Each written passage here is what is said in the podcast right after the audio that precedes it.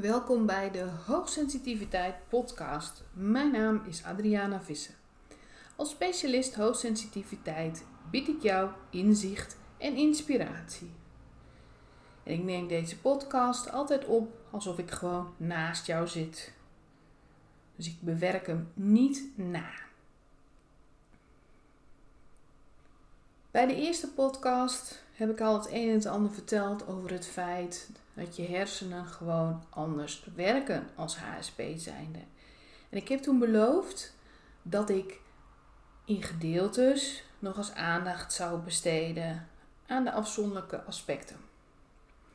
Vandaag is dit het opmerken. Als je hoogsensitief bent, merk je meer op. Het is geen nieuws wat ik vertel, maar voor mij is het erg belangrijk dat je begrijpt welke invloed dat op jou heeft. Dus je merkt meer op, meer prikkels, meer informatie. Maar ook meer emotionele signalen. Het valt mij heel vaak op dat de HSP die bij mij in mijn praktijk komen, heel vaak zeggen: Ik begrijp niet waarom ze dat niet doorhebben. Of nog vaker, waarom hebben ze dat niet gedaan? Waarom grijpen ze niet in? Waarom doen ze het niet anders? Waarom reageren ze daar niet op?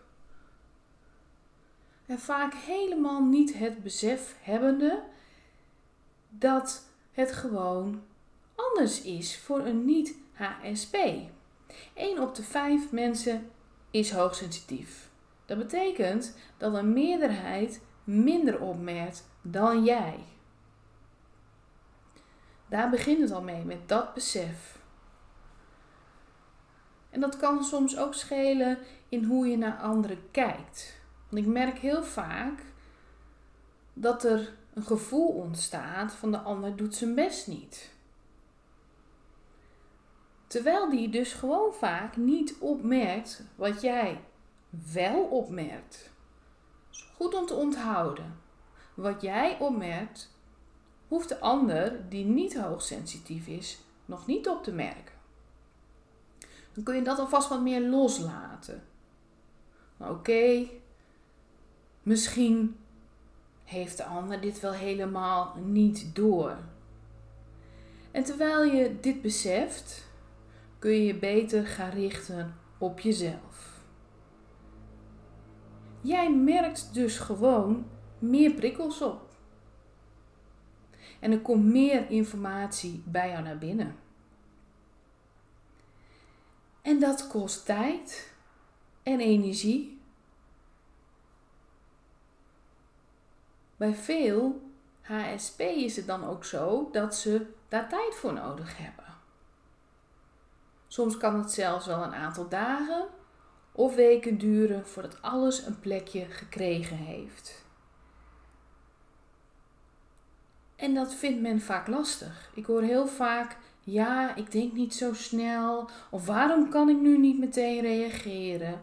Nou, dat heeft er gewoon mee te maken dat je meer opmerkt en dat je meer tijd nodig hebt om het te verwerken. Daar ga ik de volgende keer nog weer wat dieper op in. Maar ga nu maar even vanuit. Je merkt meer op. En dat heeft tijd nodig. Dat moet allemaal wel een plekje krijgen. En daarom gaat het soms minder snel. Ik spreek hierbij wel over de gemiddelde HSP, in zoverre die al bestaat. Eigenlijk bedoel ik daarmee de meerderheid die eigenlijk vooral bestaat uit diegenen die meer introvert zijn, ook liever wat minder prikkels willen hebben. En die verschillende types, daar kom ik ook in een andere aflevering nog op terug. we gaan nu even uit van de grootste groep binnen de hoogsensitieve personen. En dat is de groep die er echt meer tijd voor nodig heeft om het allemaal eens op een rijtje te zetten. Want er komt gewoon veel meer binnen. Behoor jij tot die groep die meer opmerkt en ook nog alles heel snel verwerkt? Nogmaals, jij komt later ook nog aan de beurt. We gaan nu eerst van de grootste groep uit. Jouw brein merkt dus meer op. Je hebt een gevoeliger zenuwstelsel. Dus je ziet meer dan een ander. Je hoort meer dan een ander. Je voelt meer dan een ander. En je denkt ook meer dan een ander. En per persoon kan dat ook nog eens verschillen. Ik ken mensen die dat meer hebben bij geluid, anderen meer bij gevoel. Daar zit een verschil tussen. De HSP bestaat gewoon in feite dus niet. Dat is een misverstand. Het is een eigenschap, hoogsensitiviteit. En iedereen heeft vele eigenschappen die met elkaar bepalen wat jouw persoonlijkheid is, hoe jij functioneert, wat je denkt, wat je doet, alles met elkaar. We gaan nu van de gemeenschappelijke kenmerken uit en dat is dus dat je meer opmerkt. Nou, kunt je waarschijnlijk wel voorstellen dat als je meer opmerkt, dat het dus allemaal veel intensiever is. En dat je dus ook even tijd nodig hebt om alles wat je opmerkt een plekje te geven. Dan komen we weer op het verwerken, maar ook tijd om te ontspannen, los te laten en weer op te laden. Dat is essentieel. Daar begint de zelfzorg mee. Tijd en ruimte voor jezelf. En dan ook niet pas aan het einde van de dag. Nee, eerder al meer pauzes. En als je stopt met je werk, even belangs gaan. Wat heb ik nou allemaal eigenlijk opgemerkt?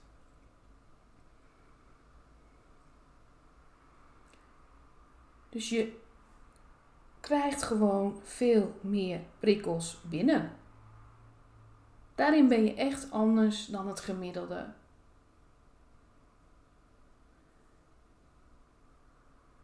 Dat besef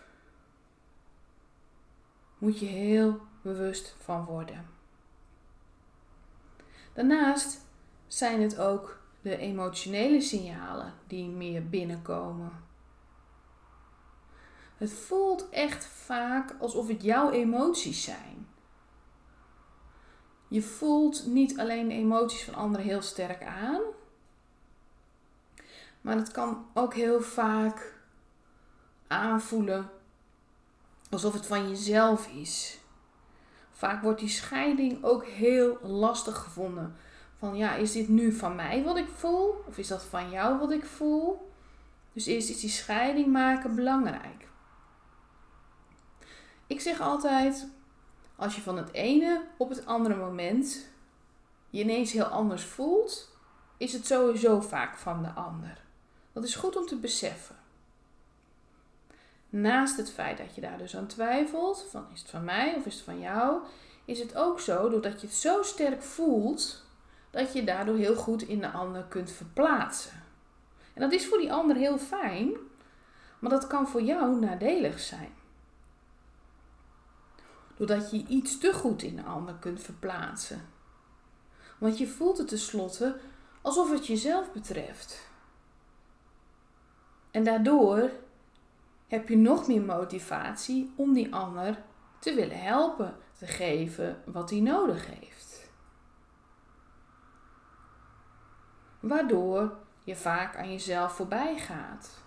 Want als je de wensen, de behoeftes van anderen net zo duidelijk voelt als die van jezelf, dan wordt het veel moeilijker om ze te negeren. Of in ieder geval jezelf op één te zetten. Dat is ook weer een onderwerp op zich. Dat jij meer emotionele signalen binnenkrijgt dan een ander, heeft ook te maken met het feit dat onze spiegelneuronen meer geactiveerd zijn. Ik ga je niet uitleggen hoe dat helemaal precies werkt. Dat is heel theoretisch. Als je het een keer wilt weten, vraag me gerust, maar dat ga ik niet in een podcast doen. Die spiegelneuronen zorgen er dus voor dat we alles zo duidelijk voelen en al die emotionele signalen duidelijk opmerken. Dus daarin zijn we ook alweer anders. Je merkt dat ik wissel tussen HSP, men, wij enzovoort. Nogmaals, ik ben zelf ook hoogsensitief. Dus ik weet gewoon waar ik het over heb. Daarom vind ik het ook zo belangrijk dat jij het snapt. Want je hoeft niet overprikkeld te raken als je beseft dat jij zoveel meer opmerkt dan gemiddeld. Als je dat beseft, dan wordt die behoefte en die noodzaak tot zelfzorg ineens ook heel erg duidelijk en heel erg belangrijk. Dat kun je niet meer afdoen als, ja, het zou misschien zin in zijn als ik dat zou doen. Het zou misschien beter zijn als ik die keuze zou maken. Ja, het is slim. Ja, het is beter. Maar het is zelfs noodzakelijk. Anders krijg je weer het beeld dat de media schetst. Ja, als je hoogsensitief bent, dan ben je overprikkeld. Dan ben je overemotioneel. En dat komt alleen als je dus geen tijd en ruimte voor jezelf maakt, omdat je niet beseft dat je één meer opmerkt, twee dat je de tijd nodig hebt om het te verwerken en drie dat je gewoon ook anders reageert. Dat zijn geen bewuste keuzes. En dat denken veel mensen vaak nog van ja, ik moet dat anders doen. En vooral wordt dat ook tegen ze gezegd door de omgeving, op het werk, thuis. Ja, maar je bent ook altijd zo emotioneel en je let ook op iedereen en je reageert ook zo. En dan het besef te hebben van ja, maar mijn hersenen werken ook anders. Dan kun je er anders naar kijken.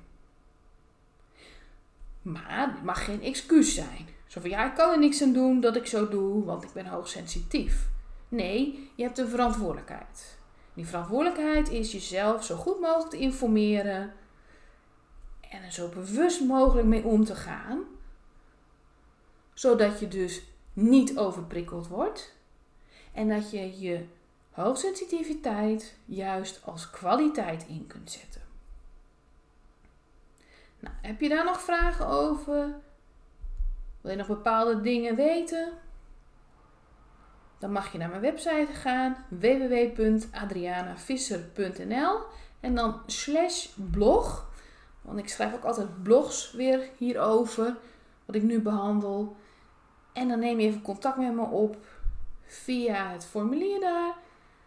En dan, wie weet, behandel ik jouw vraag dan wel in de volgende aflevering. Maar het kan ook zijn dat je graag eens een kennismakingsgesprek met mij wilt. Dat is ook altijd goed.